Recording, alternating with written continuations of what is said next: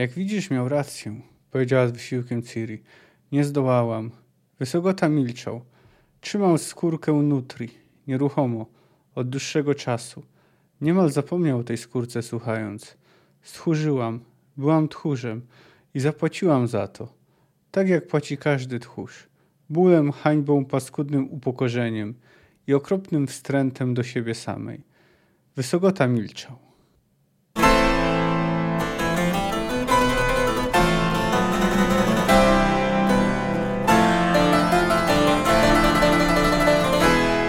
Cześć, jestem Kamil K., a Ty słuchasz mojego podcastu Fantastyka Krok po Kroku. Analizuję w nim rozdział po rozdziale lub opowiadanie po opowiadaniu wybrane książki fantastyczne. Zapraszam.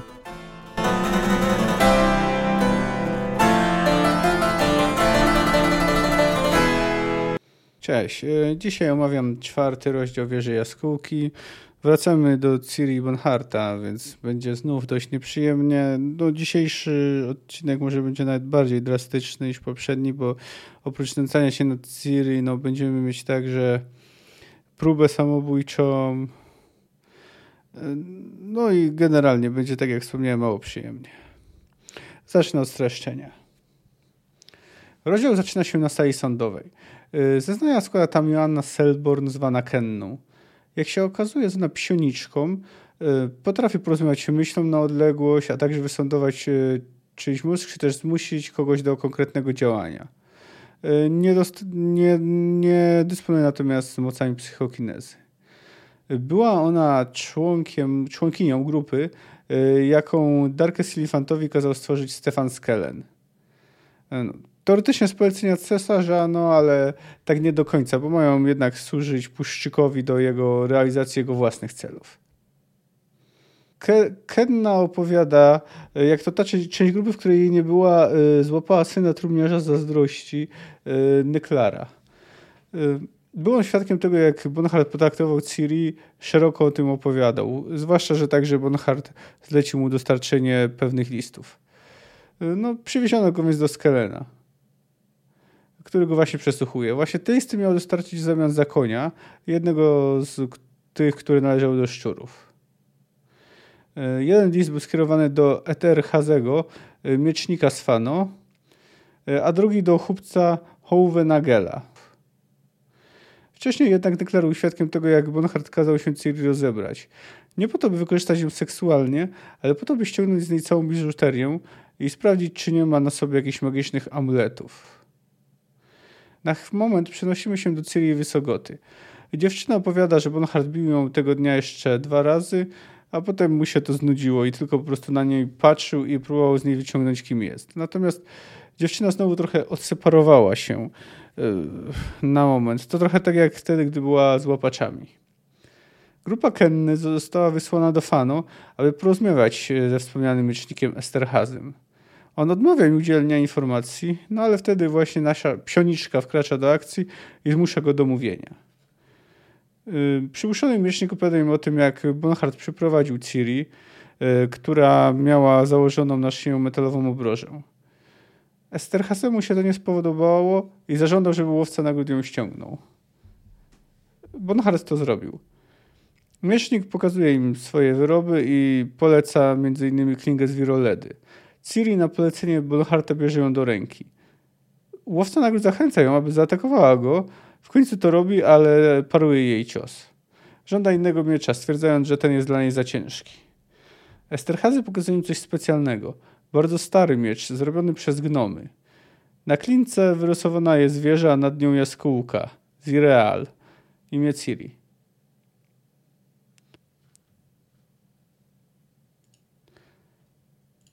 Bonhart stwierdza, że no nie wie, czy będzie go stać na taki y, wyrób, ale Esterhazy mówi, że to podarunek i to nie dla niego, a dla niej, dla Ciri.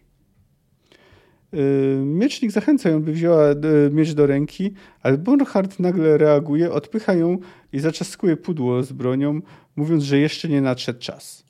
Esterhazy stwierdza, że najwyraźniej faktycznie jeszcze nie nadszedł w tym miejscu trochę zaburzyłem chronologię, bo, ale chciałem, żeby od razu opisać to, co się działo właśnie umiecznika, a także jak działała grupa Kenny. Wydaje mi się, że tak jest trochę bardziej zrozumiale, a odstępstwo od faktycznej kolejności treści w rozdziale nie jest duże. No bo tymczasem Ciri opisuje wysokocie, co się stało po tym, jak już Bonhart poobcinał szczurą głowy. I pozwolił jej się ponownie ubrać.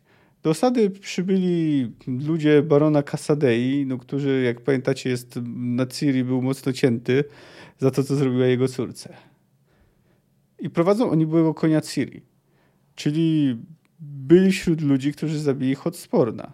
Dowodzi nimi Windsor Imbra, który ma taki charakterystyczny tik, e, gdy tak porusza wąsem. Chcą zabrać Ciri ze sobą, ale Bonhart na to nie pozwala. Nie dochodzi do walki, ale Imbra zapowiada, że pojawią się w Claremont, gdzie Bonhart oznajmił im, że ma zamiar się udać. E, prowadzi tam Ciri do czegoś na kształt teatru. E, w centrum tego budynku jest arena, ale wcześniej Bonhart rozmawia z Dominikiem Hoven, Hovenagelem, e, właścicielem tego przybytku, a także powiedzmy, że kupcem, no i jakimś jego krewnym. Bonhart wspomina o emeryturze. Hohenwagel opisuje mu swój pomysł. Ma zamiar zająć ziemię na północy, te, które zostaną podbite przez cesarstwo, przez postawionych ludzi, którzy mają udawać osadników. I później oni oddawaliby ziemię Galowi, który by się w ten sposób wzbogacił. A Bonhart miałby wymuszać e, na tych, którzy byliby oporni, aby dotrzymali umowy. Hohengal jest też przekonany, że Nilfgaard wygra wojnę. Następnie przechodzą na dół, gdzie znajduje się niziutki burmistrz Przepita i postarzała markiza, a także nilfgaardzki rotmistrz. Y, markiza mówi, że wraz ze swoim mężem mają specyficzne gusta, które no, być może to właśnie one wywołują obrzydzenie na dule Obenharta. Y, no w każdym razie, o ile Markiza opisuje Ciri jako niezbyt ładną, to mówi, że ma całkiem przyjemne, to mówi ciałeczko.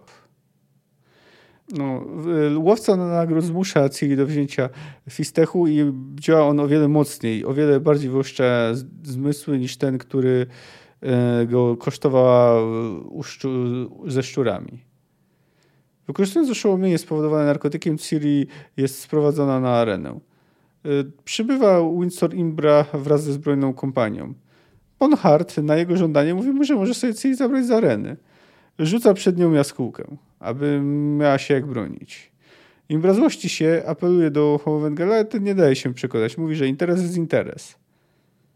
W tej sytuacji Imbra stwierdza, że, no w taki, że jeśli na słowa, że musi krew sięgnąć tą arenę, to mówi, że wcale nie musi, że może sobie pojechać. Ale są inni chętni, a poza tym także ktoś z grupy Imbry chce dostać nagrodę. Pada pytanie, czy można tylko pojedynczo atakować Ciri, co wywołuje złość burmistrza. Po szybkiej konsultacji Borchend i Hołwangę udają, że można atakować parami. Ale jeden z ludzi, Imbry Stavro, decyduje się iść pojedynczo, stwierdzając, że byłby wstyd y, inaczej na niego iść. Zwłaszcza, że Hołwangel jeszcze podbija nagrodę. Ciri ostrzega, mówi mu, że nie chce z nim walczyć, no ale Stavro mówi, no, że chce zarobić pieniądze. Y, nabiera go na prostą sztuczkę y, zwaną trzy kroczki, i gdyby nie to, że nie chce go zabijać, to on by zginął. Przykłada mu, jej miecz e, zatrzymuje się przed jego nosem. Ciri obraca się do tłumu i wyzywa go, krzyczy, mówiąc, że nie chce zabijać. Stavro jest wściekły. Wydaje mu się, że Ciri jest rozproszona i odwrócona, więc próbuje zaatakować ją zdradziecko, ale Ciri robi unik i kontruje. Stavro ląduje na piasku. To wywołuje jeszcze bardziej agresywną reakcję. Na arenę wdziela się trójka która zamierza ją zepchnąć do obrony i zabić, ale ona zaskakuje ich przejściem do ofensywy. Gdy wszyscy padają na arenie, y, miota wyzwiska pod adresem Tumu, który rzuca w nią różnymi rzeczami. Ciri na przykład y, przecina ogryzek, a Imbra apeluje do niej, aby była ludzka, aby pozwoliła zebrać rannych z areny. Ona pozwala im pod warunkiem, że wejdą bez broni. Większość ludzi Imbry trzyma się od niej z daleka, ale on sam nie, nie otrzymał obietnicy i wszedł z mieczem. Waha się. Cirim prosi go, żeby tego nie robił. Bonhart próbuje go podjudzać, bo inaczej y, pójdzie wieść, że jest tchórzem. Ale jednak ostatecznie rezygnuje. Tylko mówi, mówi Ciri, że prawdopodobnie marnie skończy, bo już prawdopodobnie wie, kim jest Leo Bonhart. Ciri próbuje popełnić samobójstwo, ale nie udaje jej się tego dokonać. Nie jest w stanie tego zrobić. No cóż, nawet ze streszczenia e, słyszycie, że jest to dość trudny rozdział, dość dotykający takich dość poważnych tematów i e, luźnych, takich luźniejszych elementów jest niewiele. Co nie znaczy, że ich nie ma. No. Oczywiście pewne pocieszenie stanowi to, że no wiemy, że Ciri jednak dała sobie radę, że jest teraz u Wysogoty. No, chociaż oczywiście Kenna to chyba jest nawet jeszcze bardziej, y, Kenna na pewno jest jeszcze bardziej przesunięta do przodu chronologicznie. Zresztą to jest właśnie cecha tego rozdziału, że jest y, mocno y, zaburzony chronologicznie. Mamy tu bardzo dużo skoków w czasie, no bo mamy od tego, co, co działo się w wrześniu, sierpniu, jak to się mówi, zeszłego roku. Mamy Kennę zaznającą w przyszłym, no i tak gdzieś po środku Ciri. No nie po środku, bo to przed zimą czyli, czyli jeszcze mniej yy, czasu minęło. No to wystarczy ten, bo wiemy, że niedawno była równonoc, która trafiła do Wysogoty. No w każdym razie mamy tu bardzo zaburzoną chronologię. Zwłaszcza jak na przykład mamy taką sytuację, gdy yy, gdy to Kenna Selborn opisuje to, co działo się yy, podczas wizyty Bonharta u miecznika Esterhazego. No dobrze, ale zostawmy mm, na boku te e, wstępne uwagi i przejdźmy do omówienia. Myślę, że zacznę od e, nowej bohaterki, jaką, jaka na jakiś czas będzie nam towarzyszyć. No chodzi mi tu oczywiście o Joannę Selborn zwaną Kenną. W jakim celu została ona wprowadzona do powieści? No, wydaje mi się, że jest e, wszystkim głównym celem było to, żeby czytelnik mógł śledzić to, co dzieje się e, u grupy Skelena. A jednocześnie mm, jakaś dłuższa narracja, bo taka krótsza to tu się pojawia, z punktu widzenia Skelena by za dużo zdradziła. Kenna nie jest tajemniczona w te sprawy. Ona nawet nie wie, e, niewiele wie, nawet nie słyszała o Bonharcie, więc e, jest, można powiedzieć, niemalże osobą z zewnątrz. No, pozwala także trochę rozszerzyć świat. Ale generalnie wiemy o niej niewiele. No, akurat teraz przybywa na stali sądowej, niby w charakterze świadka, ale jej własny los, jak jej to zaznacza sąd, jest niepewny. No, zresztą jej odpowiedź o zawód, gdy mówi, że yy, zajmuje się świadczeniem usług różnych, była całkiem dowcipna. No, ale jej sytuacja jest nie za fajna, chociaż oczywiście lepsza niż tych, którzy są oskarżeni. W każdym razie jest uzdolniona magicznie. Jak widzimy, występują e, w świecie zimne zdolności psioniczne, chociaż nic z tego, co Kendra, Kenna umie mówić, nie jest dla nas jakieś niesamowite. No bo o psychokin psychokinezie, której nie umie, to, to przecież umiała y, ją robić nawet Ciri i to nawet dość szybko przecież uczyła jej y, ją Yennefer. Wiemy też, że Yennefer także umie skanować mózgi, a także skłaniać ludzi, by czynili jej wolę, jak to zrobiła na przykład z Geraltem w ostatnim życzeniu. No, ale mamy tu pewne rozszerzenie świata Wiedźmina, no, ale to powiedzmy, nie wydaje mi się, żeby to była jakaś niespójność. No, w końcu wiemy, że no, nie każdy ma okazję, nie każda osoba magicznie ma okazję uczęszczać do magicznej akademii. No, a niektórzy są z nich wyrzucani, jak Ryans, ale i tak jakoś funkcjonują. No, jak widzimy, Kenna Y, wykorzystuje swój dar, y, na przykład współpracując ze służbami cesarstwa. Zresztą już w tym rozdziale y, zaprezentowała swoje umiejętności, gdy właśnie wdarła się do mózgu Esterhazego i dzięki temu dowiedzieliśmy się, no jak to było z tym dostaniem przez Ciri miecza i w ogóle co tam, co się wtedy działo. Kenna już wcześniej sądowała miecznika – Delikatnie kuła go impulsami, ostrożnie zapuszczała się w gąszcz jego myśli. Teraz była gotowa.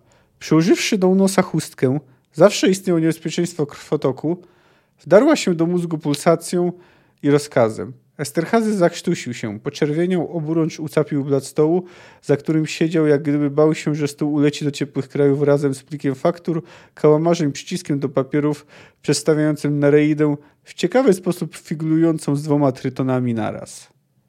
Spokojnie, rozkazała Kenna. To nic, nic się nie dzieje. Po prostu masz ochotę o, opowiedzieć nam o tym, co nas ciekawi. Przecież wiesz, co nas ciekawi, a słowa żerwą się z ciebie na wolę. Dalejże więc, zaczynaj. Zobaczysz, gdy tylko zaczniesz mówić, w głowie przestanie ci szumieć, w skroniach huczeć, a w uszach kuć. I skrót szczęk też odpuści. No widzimy, jak to działa, że no nie tylko można kogoś brutalnie sądować, ale można też kogoś zachęcać, aby, jeśli się opiera, aby zdradził y, swoje myśli. No warto tutaj dodać, jakim językiem generalnie mówi Joanna. Y, ona raczej nie jest głupia, ale widać, że też nie jest Y, szeroko wykształcona, ani nie z wyższych sfer. No, o szerokim wykształceniu to chodzi o na przykład o Geralta, który ma bardzo bogate słownictwo.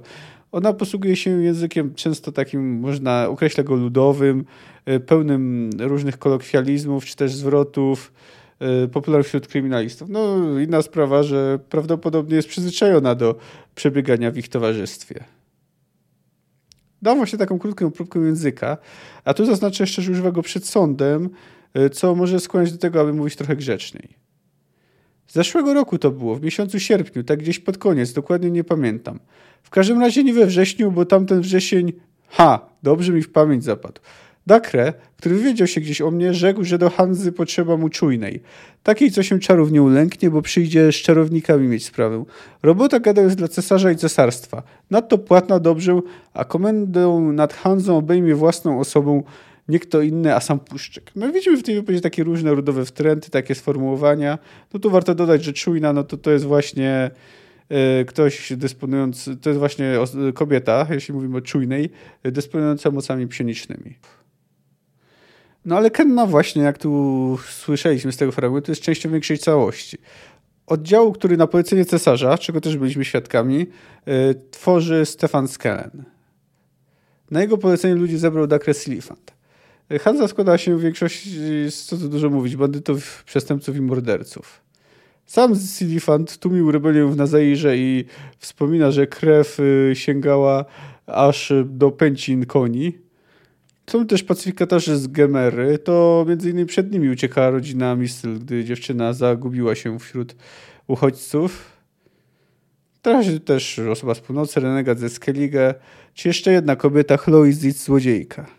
Skenowi ta grupa się podoba. Chętnie wybrałby się z nią grasować na pograniczach, gdyby nie ta polityka. To posłuchajmy, co y, on myśli o tej grupie. Puszczyk, Puszczyk jechał wzrokiem od twarzy do twarzy, od sylwetki do sylwetki. Niektórych znał osobiście, lepiej lub gorzej. Innych, których rozpoznał ze słyszenia, z reputacji. Til Echrade, jasnowłosy elf, zwiadowca gemerskich pacyfikatorów. Rispa dla Ponte, wachmistrz z tej samej formacji – i następny Gemerczyk, Cyprian Fripp młodszy. Skellen był przy egzekucji starszego. Obaj bracia słynęli z sadystycznych skłonności. Dalej swobodnie przegięta na kubalce srokatej klaczy Chloestic, złodziejka czasami wynajmowana i wykorzystywana przez tajne służby. Puszczyk szybko uciekł wzrokiem przed jej bezczelnymi oczyma i złośliwym uśmiechem. Andres Wierny, Nordling z Redanii, Rezun. Stigward, pirat renegat ze Skellige. Dede Vargas, diabeł wie skąd pochodzący zawodowy morderca. Kabernik Turent, morderca z zamiłowania. I inni, podobni. Wszyscy oni są podobni, pomyślał Skellen. Bractwo, konfrateria, w której po zabiciu pierwszych pięciu ludzi wszyscy robią się tacy sami.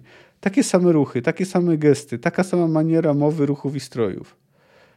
Takie same oczy, beznamiętne i chłodne, płaskie i nieruchome jak u węży – Oczy, których wyrazu nic, nawet najpotworniejsza okropność nie jest w stanie zmienić. No, ten opis jest dość mrożący. Jak tutaj słyszymy, że no, wystarczy zabić pięciu ludzi, by już później dalszymi śmierciami się nie przejmować. No, albo nawet to polubić. No, na tym tle Kenna wydaje się, staje nieco na plus. No, nie wydaje się, aby była sadystką lub by sprawianie innym cierpienia dawało jakąś szczególną przyjemność. No oczywiście nie oznacza to, że jest jakąś tam bohaterką czy dobrą osobą. No wiemy, że jest jakoś tam związane ze zniknięciem statku Gwiazda y, Południa. Y, choć nic jej nie udowodniono. To zresztą bardzo bawi Skelena, bo on lubi takich, którym nic nie da się udowodnić.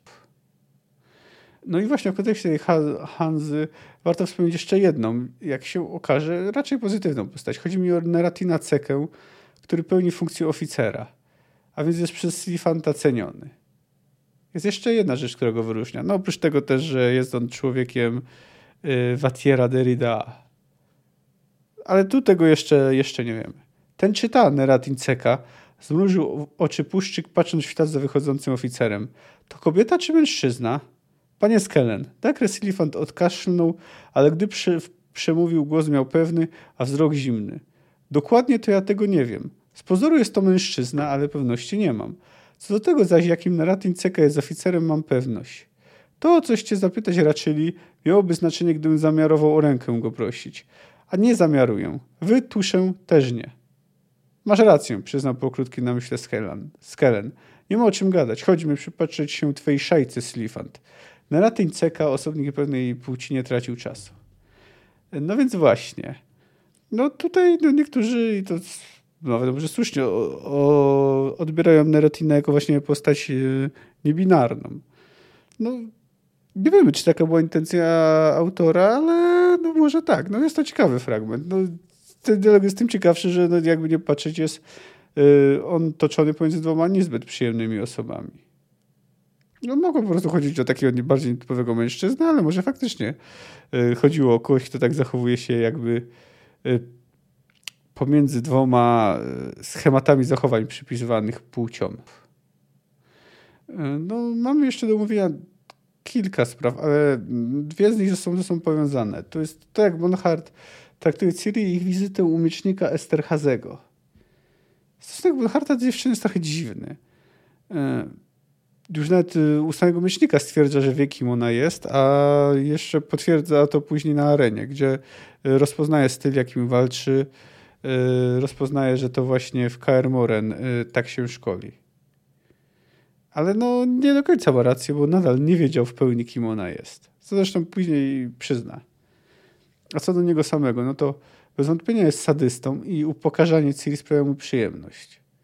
Dlatego prowadzi ją na obroży, a także każe jej rozbierać się publicznie, chociaż nie ma wobec niej intencji seksualnych. No ale przecież nie musiał tego robić. No ale to jest dziwne, ponieważ jest znany ze swojej reputacji, coś go w Ciri musiał zainteresować. I to chyba nie tylko emerytura i szansa zarobku na arenie, bo jak wiemy, generalnie Bonhart jest znany z tego, że dotrzymuje słowa, że jest y, rzetelny. No, po, powiedział to zresztą także Stefan Skellen. No a tymczasem tutaj się rozmyślił. No, jak mówi to y, Windsorowi Imbrze. Przecie panu baronowi obiecałeś. Obiecałem, ale się rozmyślił. Co? Czy ja dobrze słyszę? Jak ty słyszysz, Imbra, nie mój to frasunek. Trzy dni na zamku goszczony byłeś. Zadawane panu baronowi obietnice trzy dni piłeś i żarłeś. Najlepsze wina z piwniczki, pawie pieczenie, sarninę, pasztety, krasie w śmietanie. Trzy noce jak król na puchach spałeś. A teraz żeś się rozmyślił, tak? Bonhart milczał, zachowując obojętny i znudzony wyraz twarzy. Imbra zacisnął zęby, by stłumić drganie wargi. A wiesz ty, Bonhart, że my możemy szczurzyszę siłą ci odjąć? Twarz Bonharta do tej pory znudzona i rozbawiona stężała momentalnie. Spróbujcie. Was czterech, ja jeden. I do tego w gaciach. Ale ja na takich zasrańców portek nie muszę odziewać. Imbra znowu splunął, szarpnął wodza, obrócił konia. Tfu, Bonhart, co się z tobą porobiło? Zawsześ tym słynął, żeś solidny był, prawy zawodowiec. Żeś słowa danego niezawodnie dotrzymywał. Ale nie wychodzi, że twoje słowo mniej gówna warte, a że po słowie człowieka się ocenia, wtedy wychodzi, żeś ty. Jeśli już o słowach mowa, przerwał zimno Bonhart opierając dłonie na sprzątce pasa, to baczeń braby ci się wypadkiem w trakcie gadania zbyt grube nie wypsło. Bo może boleć, gdy ci je będą na powrót w grdykę wtłaczał. Śmiały jesteś na czterech, a starczy ci na czternastu śmiałości? Bo ci zaręczyć mogą, że baron Kasadei z niewagi płazem nie puści. Powiedziałbym ci, co ja so, robię sobie z barona twego, ale od tum się zbiega, a w nim niewiasty są i dzieci. Wtedy powiem ci tylko, że za jakieś dziesięć dni w Claremont stanę. Kto chce prawdę chodzić, z niewagą mu ścić, albo falkę mi odbierać, niechaj do Claremont przybywa. Ja tam przybędę, będę tam czekał, a teraz wynoście się stąd. No jak widzimy, to jest nietypowe dla Bonharta, ale widzimy też, że Imbra nie zdecydował się go zaatakować pomimo liczebnej przewagi. No oczywiście Szczur miał jeszcze większą liczebną przewagę. Więc w, ty, w tym kontekście warto tutaj przytoczyć y, to, jak tą scenę odebrała Ciri. Bali się go. Potwornie się go bali. Czułam bijący od nich strach. Kelpi zarżała głośno, szarpnęła łbem. Było ich czterech, uzbrojonych po zęby, a on jeden w pocerowanych kalesonach i wyszczępionej koszulinie z przykrótkimi rękawami. Byłby śmieszny, gdyby, gdyby nie był straszny. Wysogota milczał, mrużąc załzawione od wiatru oczy. Stali na wzniesieniu, górującym nad bagnie, bagnami per, Perplutu, niedaleko od miejsca, gdzie dwa tygodnie temu starzy znalazł Ciri. Wiatr kładł trzciny, marszczył wodę na rozlewiskach rzeki. Tak swoją drogą tu widzimy dwie rzeczy. Po pierwsze, że Ciri już po dwóch tygodniach jest zdolna spokojnie wychodzić poza chatę. Czyli dość szybko się regeneruje. Yy, ale kontynuując. Jeden z tych czterech podjęła Ciri, pozwalając klaczy wejść wodę i pić. Miał taką małą kuszę u siodła. Ręka mu się w stronę tej kuszy wyciągała. Niemal słyszałam jego myśli. Czułam jego przerażenie. Czy zdążył napiąć, szczelić i co będzie, jeśli chybię? Bonhart też widział tę kuszę i tę rękę. Też słyszał te myśli. Pewna jestem. I pewna jestem, że ten jeździec nie zdążyłby napiąć kuszy. No, czyli tu mamy taką kontynuację budowy postaci Bonharta, jako oczywiście osoby złej, sadystycznej, a także, ale także budzącej grozę no widzimy, że była jego reputacja, ale on z jakiejś jakiegoś powodu postanowił ją zaryzykować. Być może była to tylko kwestia emerytury, o której rozmawiał z Hovengagelem, a może faktycznie aż tak go fascynowała Ciri, aż tak chciał się dowiedzieć, kim ona naprawdę jest. No tutaj taki kolejny y, element y, tego jest to, że w ogóle nie był zmęczony, jak mówiła Ciri, po całonocnej jeździe no wiemy, że Hovenagel mówił, że już mu wcześniej dostarczał towar. Podejrzewam, że to też byli jacyś bandyci i tak dalej, ale mimo wszystko wydaje się, że Ciri to jest jednak szczególna sprawa. Natomiast e, pomimo tego całej grozy, jaką budzi, to jest jeden moment, w którym Bonhart jest zmuszony trochę odpuścić. E, wtedy, gdy, gdy e, miesznik Esterhaz żąda, by Bonhart zdjął obrożę z szyi Ciri, żeby nie gwałcono w jego obecności e, godności ludzkiej. Oczywiście nie przestraszył się samego miecznika, ale po pierwsze miał do niego interes, a po drugie no, wiedział, że e, Esterhazy w każdej chwili może wezwać ochroniarzy. Może Bonhart by sobie dał z nimi radę, a może wcale nie. W każdym razie nie podjął tego ryzyka. Co do Sterhazego, to mówi on jest dość odważny w stosunku do Bonharta, no bo w końcu nawet gdyby Bonhart zginął, to on też mógł e, no nie, nieładnie skończyć, bo sam mówi, że zna Bonharta i wie, kim on jest. Co do tego deptająckiej godności, no można powiedzieć, że no powie, mówi, że nie interesuje go, co robi Siri e, poza jego e, jakby siedzibą, no ale z drugiej strony i tak nie może wpłynąć na postępowanie Bonharta w innych miejscach. No i tu jest bardzo ciekawe, że on y, właśnie wziął ten miecz po chwili, gdy Bonhart y, sprowokował Ciri do ataku. Y, tym wcześniejszym mieczem, no, klinką z Wiroledy.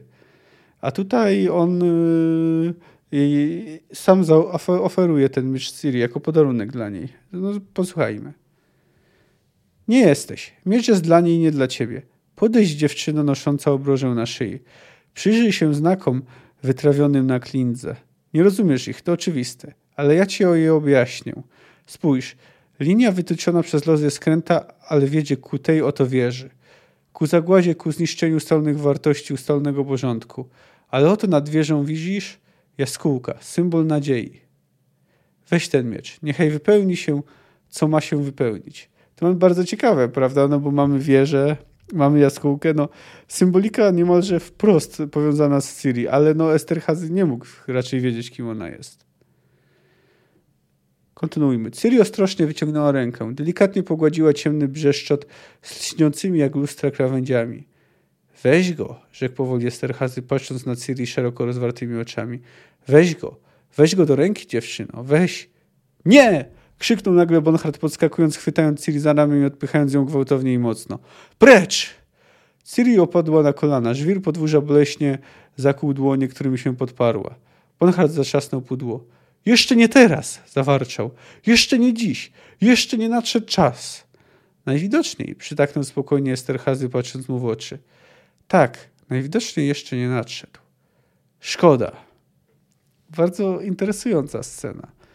No, trudno tutaj inaczej jest, y, interpretować intencje Esterhazego niż to, że ma nadzieję, że Ciri zabije Bonharta.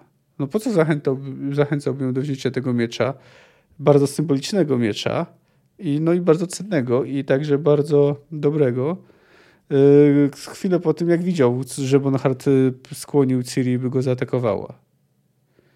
Uznał najwyraźniej, że dziewczyna może zabić łowcę nagród. Dlaczego? Dlatego, że był świadkiem jej ataku i uznał, że ten mysz będzie dla niej lepszy. Wiedział o niej coś więcej.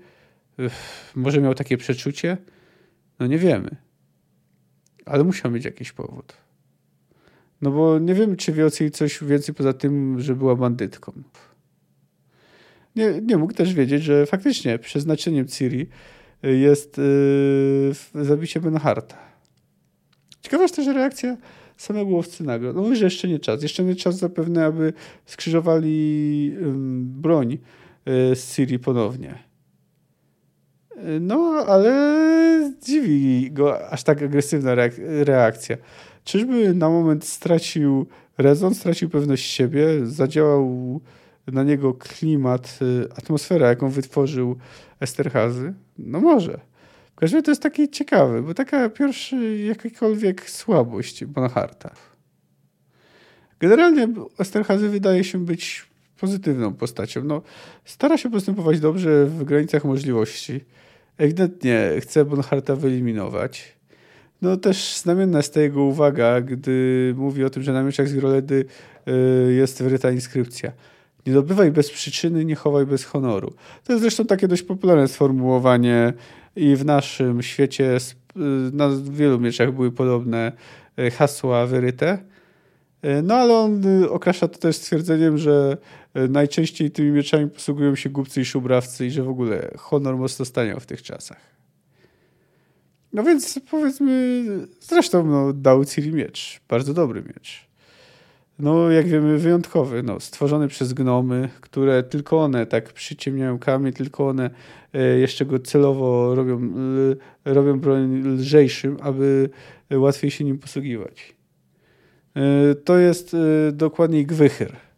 I sam Esterhaz zaznacza, że to oryginał. Nalatek rękojeść jest zrobiona z łusek rai, czyli takiej trującej ryby. No i dzięki temu podobno idealnie y, trzyma się dłoni. No ostatecznie posłużył ten wiesz do tego, czego chciał Esterhazy. No dobrze, teraz powoli przechodzimy do takiej, do areny i tego, co się tam działo, tego, co tam jest związane. No to jest fragment, no zdecydowanie być może najmniej przyjemny z tych, które dotychczas czytałem chyba nawet gorsze od śmierci szczurów, tak mi się wydaje, bo tu widzimy cierpienie samej Ciri. I to raczej nie, niezasłużone. Ale nim do tego przyjdziemy, no to kilka słów wypada przystąpić samemu właścicielowi tego przybytku, czyli Hoven Nagelowi. No, jest to postać, to nie da się ukryć, bardzo mało przyjemna i raczej zła. No, ale przytoczmy taką wymianę zdań z Bonhartem. O nierządne cesarstwo i zginienia bliskie – recytował szyderczo Bonhart. Upaść musi imperium, w którym wszyscy kradną. W prywacie i samolubstwie słabość jego tkwi. W tym tkwi moc jego i siła, zaczął policzkami Hovenagel. Ty, Bonhart, mylisz złodziejstwo z indywidualną przedsiębiorczością. Nader często, przyznał beznamiętnie łowca nagród. No, bardzo ciekawy cytat, prawda? Że złodziejstwo, prywatna przedsiębiorczość i jak często one są ze sobą związane. To raczej, no nie, no, oczywiście nie oszukujmy się, że to jest wyraz jakichś socjalistycznych sympatii yy, Sapkowskiego, bo generalnie z całości można wyczytać, że jego twórczości można czytać, że to raczej nie jest yy, jego pogląd. Yy, no natomiast jeszcze ten cytat wypowiedziany przez Bonharta to jest trawestacja słów Ulyssesa z odprawy posłów greckich autorstwa Jana Kochanowskiego. No tutaj mówi on o Troi o, już drugi raz z rzędu pojawia się Troja w odcinku. Nierządne królestwo i zginienia bliskie, gdzie ani prawa ważą, ani sprawiedliwość ma miejsca, ale wszystko złotem kupić trzeba. No, faktycznie, cytaty oczywiście podobne. No, warto tu dodać o tym, że Hohenagel jest przekonany o tym, że cesarstwo wygra wojnę, bo ma pieniądze, a narodnikowie ich nie mają. W momencie miał rację, ale sytuacja ulegnie e, pewnej zmianie. No, nim przejdę może do opisu samej walki na arenie, to warto kilka słów powiedzieć o gościach Hołwenagela ze szczególnym uwzględnieniem markizy. No, trzeba przyznać, że wzbudzenie obrzydzenia u kogoś takiego jak Leo Bonhart to jest całkiem niezły wyczyn. Y, trudno powiedzieć, czy sprawiły to jej pedofilskie skłonności, które podziela wraz ze swoim mężem, czy też może mm, opis dolegliwości, jakie sprawiają, że jej mąż nie może już łapać dzieci. No mniejsza z tym. W każdym razie no, nawet Hovenagel zauważył, że no, trzeba sprawę uciąć. Mamy tu też jeszcze niskiego burmistrza, który jest bardzo przywiązany do idei czystości gry. A po drodze jeszcze spotkamy kapłana, który oburza się, że to bezbożne i tak dalej, ale uspokaja się, gdy y, mówi się mu, że y, że gdy mówi się mu, że y, ludzi y, nie będzie się y, nie będzie się zabijać. Znaczy, że nie będzie się zabijać zwierząt, wyłącznie ludzi. Tutaj jeszcze warto dodać, że ten przybytek, w którym to się wszystko odbywa, niegdyś był świątynią. Natomiast no, tu, tu są okropne postaci, ale i widzowie jako, jako i całość także sprawiają, są opisani jako żadny krwi motłoch. Takie dwa króciutkie cytaty, które to potwierdzają. Widziała ciemne zacieki krwi na ogradzających arenę balach, siejących na nich zakratowaną śmierdzącą dziurę błyszczące od potu, bydlęco wykrzęwione gęby nad balustradą. No już widzi ich, ich twarze i już widać, jak jej się kojarzą. A mamy następny cytat już podczas, już sam podczas walki. Zabij go! Zabij go! skandowała widownia, tupiąc do rytmu. Żygającego staruszka zepchnięto z ławki wykopano do galerii.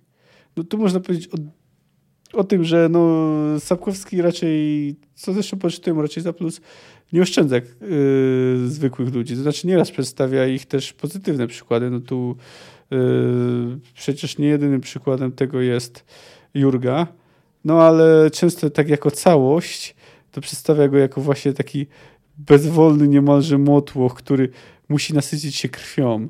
No w pewnym momencie Ciri wyzywa ten tłum od wampirów i wzywa ich, żeby sobie zeszli, aby się tą krwią nasycili. Y, tu można było powiedzieć znowu, że to jest mało lewicowe podejście, ale zostawmy polityczne rozważania. Bo jeszcze trzeba jeszcze dokończyć wątek Hovenagela, ponieważ no tutaj widzimy, że to pijak, oszust, szubrawiec. Natomiast yy, ciekawe jest, jak został zapomniany przez potomnych. Dowiadujemy się tego na początku rozdziału. Hovenagel Dominik Bombastus, urodzony w 1239 roku, wzbogacił się w Ebbing prowadzonym na ogromną skalę handlem i osiadł w Nilfgardzie. Szanowany od poprzednich cesarzów, mianowany został zarządów imperatora Jana Kalwejta burgrabią i żupnikiem wenedalskim, a w nagrodę położonych zasług miał sobie nadać miał sobie nadane starostwo newełgejskie. Wierny doradca cesarza posiadał Hohenagel, jego względy i brał udział w wielu sprawach publicznych. Zmarł w 1301 roku. Jeszcze w Ebbing, w prowadził Hohenagel szeroką działalność charytatywną, wspierał potrzebujących i niemajętnych, zakładał sierocińce, szpitale i ochronki, łożył na nie niemałe sumy. Wielki miłośnik sztuk pięknych i sportu, ufundował w stolicy teatr komiczny i stadion, oba jego imię noszące. Uchodzi za przysłowiowy wzór prawości, uczciwości, zasności kupeckiej. Effenberg i Talbot, Encyklopedia Maxima Mundi, tom 7. No co do teatru i sportu, no to wiemy, że y, przy bardzo skrzywionym rozumieniu tych pojęć jest to prawda, ale tutaj widzimy, jak często e, postaci historyczne mogą być odbierane przez potomnych na podstawie źródeł, no nie tak jak na to zasługują. No doprawdy, już z, tych, z tego, co się tutaj krótko pojawił, wiemy, że no nie był on wzorem prawości, uczciwości, zasności kupieckiej. No dobrze, a teraz e, sam motyw areny. Ciri jest zmuszona, żeby na niej walczyć. No to nie jest tak, że nie lubi zabijać. Przynajmniej, no... Gdy była w bandzie szczurów, jak najbardziej lubiła to robić. Sama Misy e, zauważyła w pewnym momencie, że Ciri czerpie dużą przyjemność e, z napadania a także z zabijania.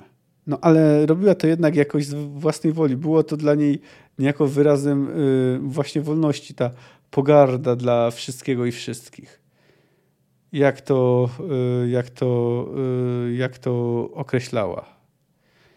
Natomiast tutaj była zmuszona. Była zmuszona, aby walczyć no, dla degeneratów, aby zabijać, aby krew wsiąkała w arenę, ponieważ ją do tego zmuszona. To ta kwestia autonomii, kwestia, która jest bardzo kluczowa przez całą sagę, pojawia się po raz kolejny, no w takiej, mało, w takiej jeszcze trochę bardziej karykaturalnej formie, bo widzimy też, jak został opisany ten tłum, ta publiczność, która była obecna na tym wydarzeniu. No ona nie chciała walczyć, prosiła yy, tych, co wchodzili na arenę, by z nią nie walczyli, no ale jej nie słuchali, dopóki dopóki nie przeprowadziła, jak to określiła Ken, na masakry w Claremont. Swoją drogą tu znowu, no, nie zabiła, walczyła tylko z czwórką, a, a jak się wydaje, zabiła pewnie tylko dwóch. Ale tu znowu mamy opowieści o masakrze. Tak jak yy, po zabiciu gangu yy, Geralt stał się rzeźnikiem z Blaviken. No dobrze, ale chyba warto poświęcić słowo samej walce, po prostu przytoczyć ten opis.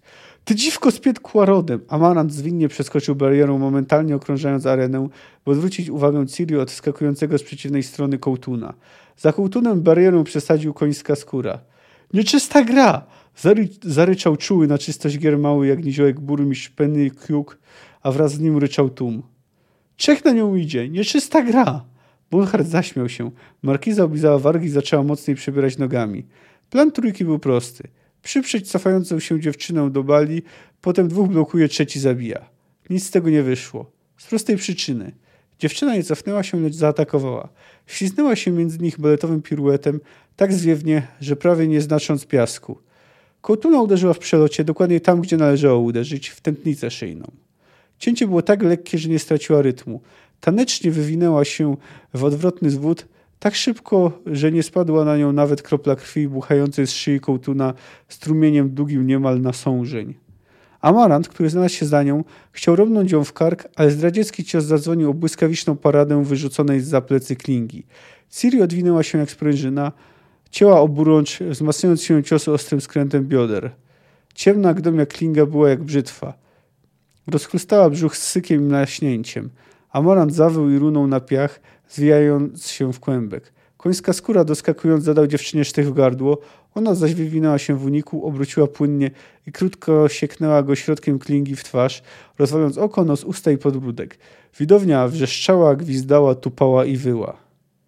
No, nie wiemy, jak dobrzy byli jej przeciwnicy, ale nawet jeśli nie byli pierwszorzędnymi szermierzami, to z pewnością nie byli też y, początkującymi.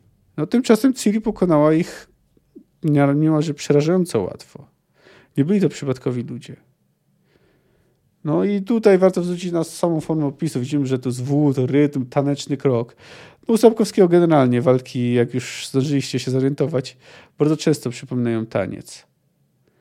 E, no i tutaj tak też na momencik dla rozluźnienia atmosfery dam taki jeden komiczny moment tego, gdy yy, zresztą posłuchajcie.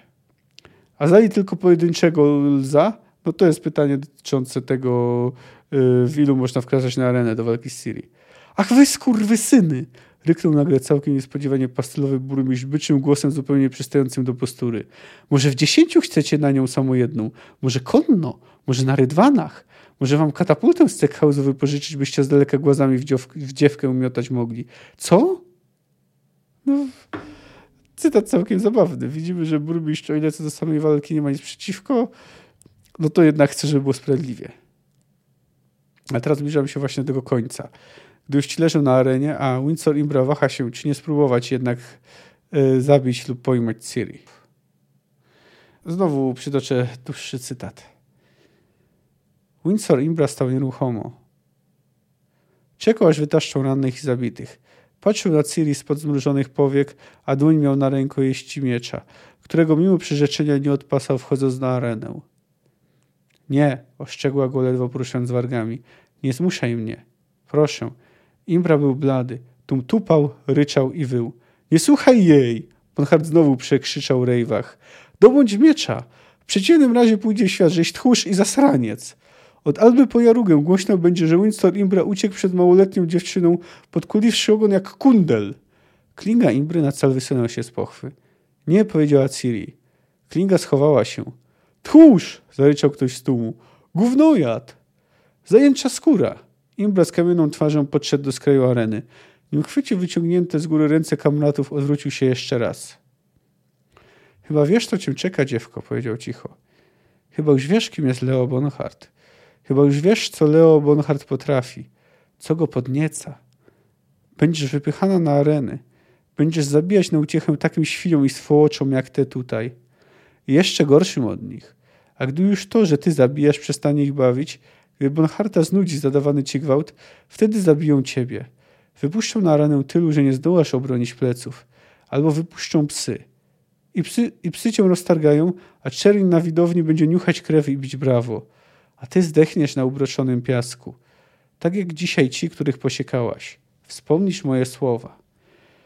No to jest taki bardzo ciężki fragment. No, proroctwo Imbry nie jest bezzasadne. Być może taki los czekałby Ciri, no, gdyby była tylko bardzo dobrą, że posługującą się mieczem dziewczyną.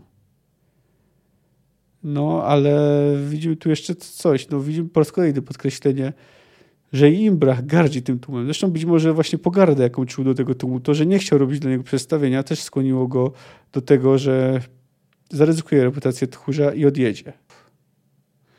Nie wiem, czy Imbra jej jakoś tam współczuje. W końcu jej los rąk Barana byłby niewesoły. No ale, ale chyba tylko dlatego skieruje do niej do słowa. W każdym razie wydaje się, że te słowa też mogły być swoistym katalizatorem, które właśnie pchnęły y, Ciri do próby samobójstwa. Dziwny, ale dopiero teraz zwrócił uwagę na niewielką tarczę herbową na jego emaliowanym ryngrafie. Srebrny, wspięty jednorożec na czarnym polu. Jednorożec. Ach, ten jednorożec, który tak właśnie ciągle y, y, przypomina się Ciri. W końcu zwróciła uwagę też wtedy, gdy y, napadła, napadali na właśnie powóz baronówny Kasadei. No i oczywiście przypomina jej Huaraxa. No ale kontynuujmy. Ciri opuściła głowę. Patrzyła na ażurową klingę miecza. Nagle zrobiło się bardzo cicho. Na wielkie słońce odezwał się nagle milczący do tej pory deklan Rosalb Majchlat. Nilfgardzki rotmistrz rezerwy. Nie, nie rób tego, dziewczyno. Newenga lunet. Ciri powoli obróciła jaskółkę w dłoni, oparła głowicę o piasek. Zgięła kolano. Przytrzymując brzeszczet prawą dłonią, lewą precyzyjnie wycelowała sztych pod mostek. Ostrze momentalnie przedbiło odzież, ukuło. Tylko się nie rozpłakać, pomyślała Ciri, coraz silniej napierając na miecz. Tylko nie płakać, nie ma po czym i nad czym.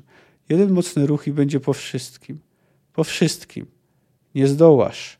Rozległ się w zupełnej ciszy głos Bonharta. Nie zdołasz, Wiedźminko.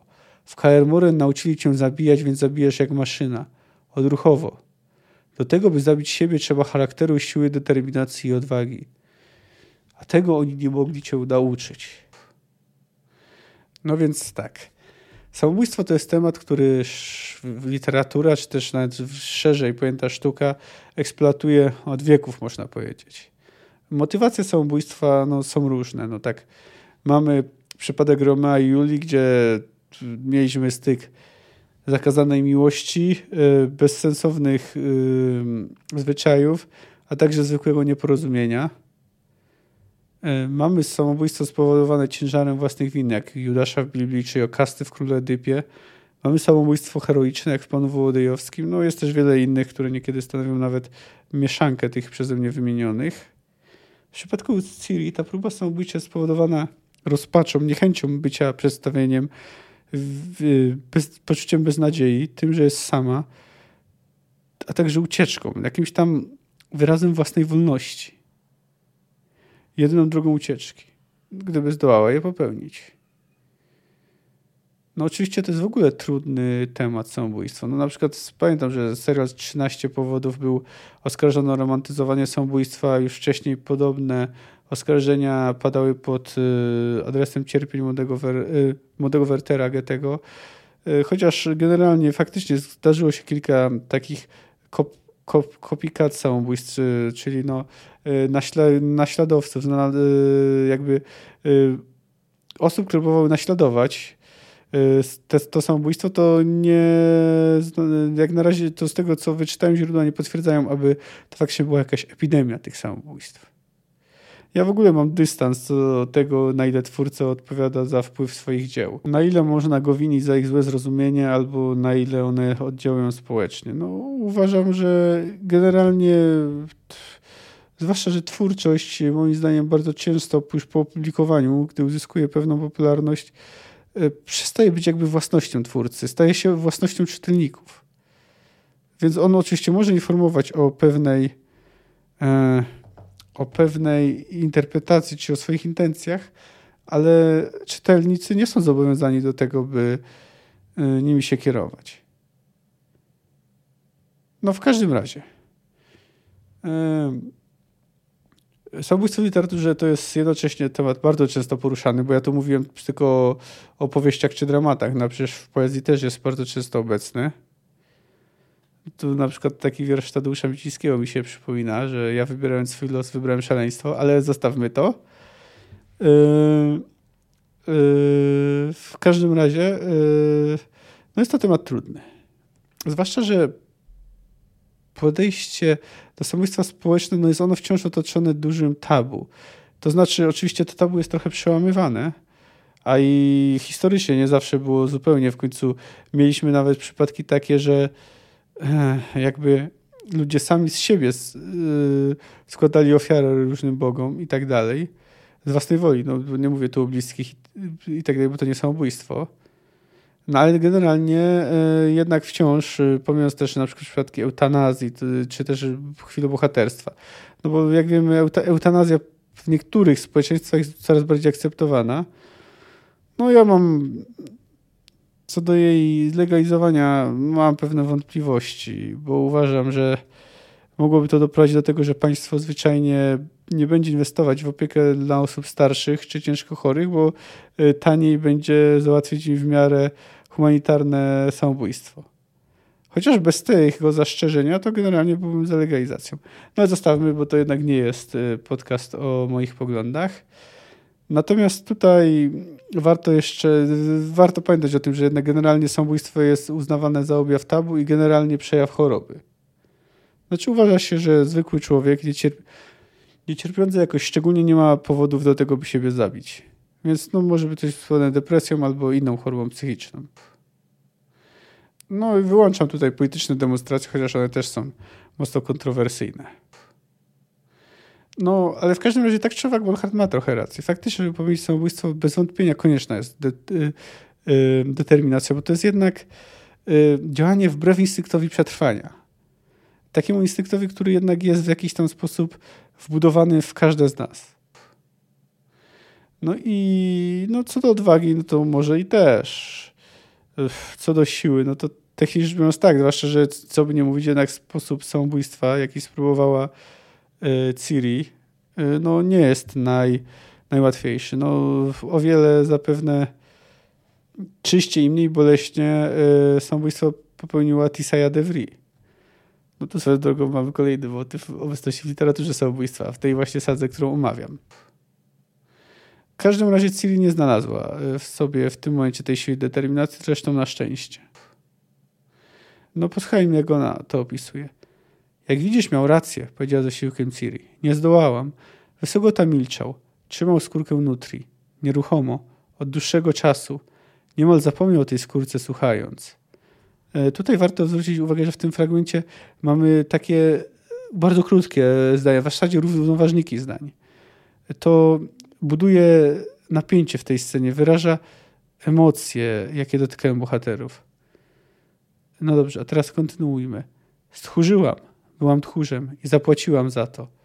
Tak jak płaci każdy tchórz. Bólem, hańbą, paskudnym upokorzeniem i okropnym wstrętem do siebie samej.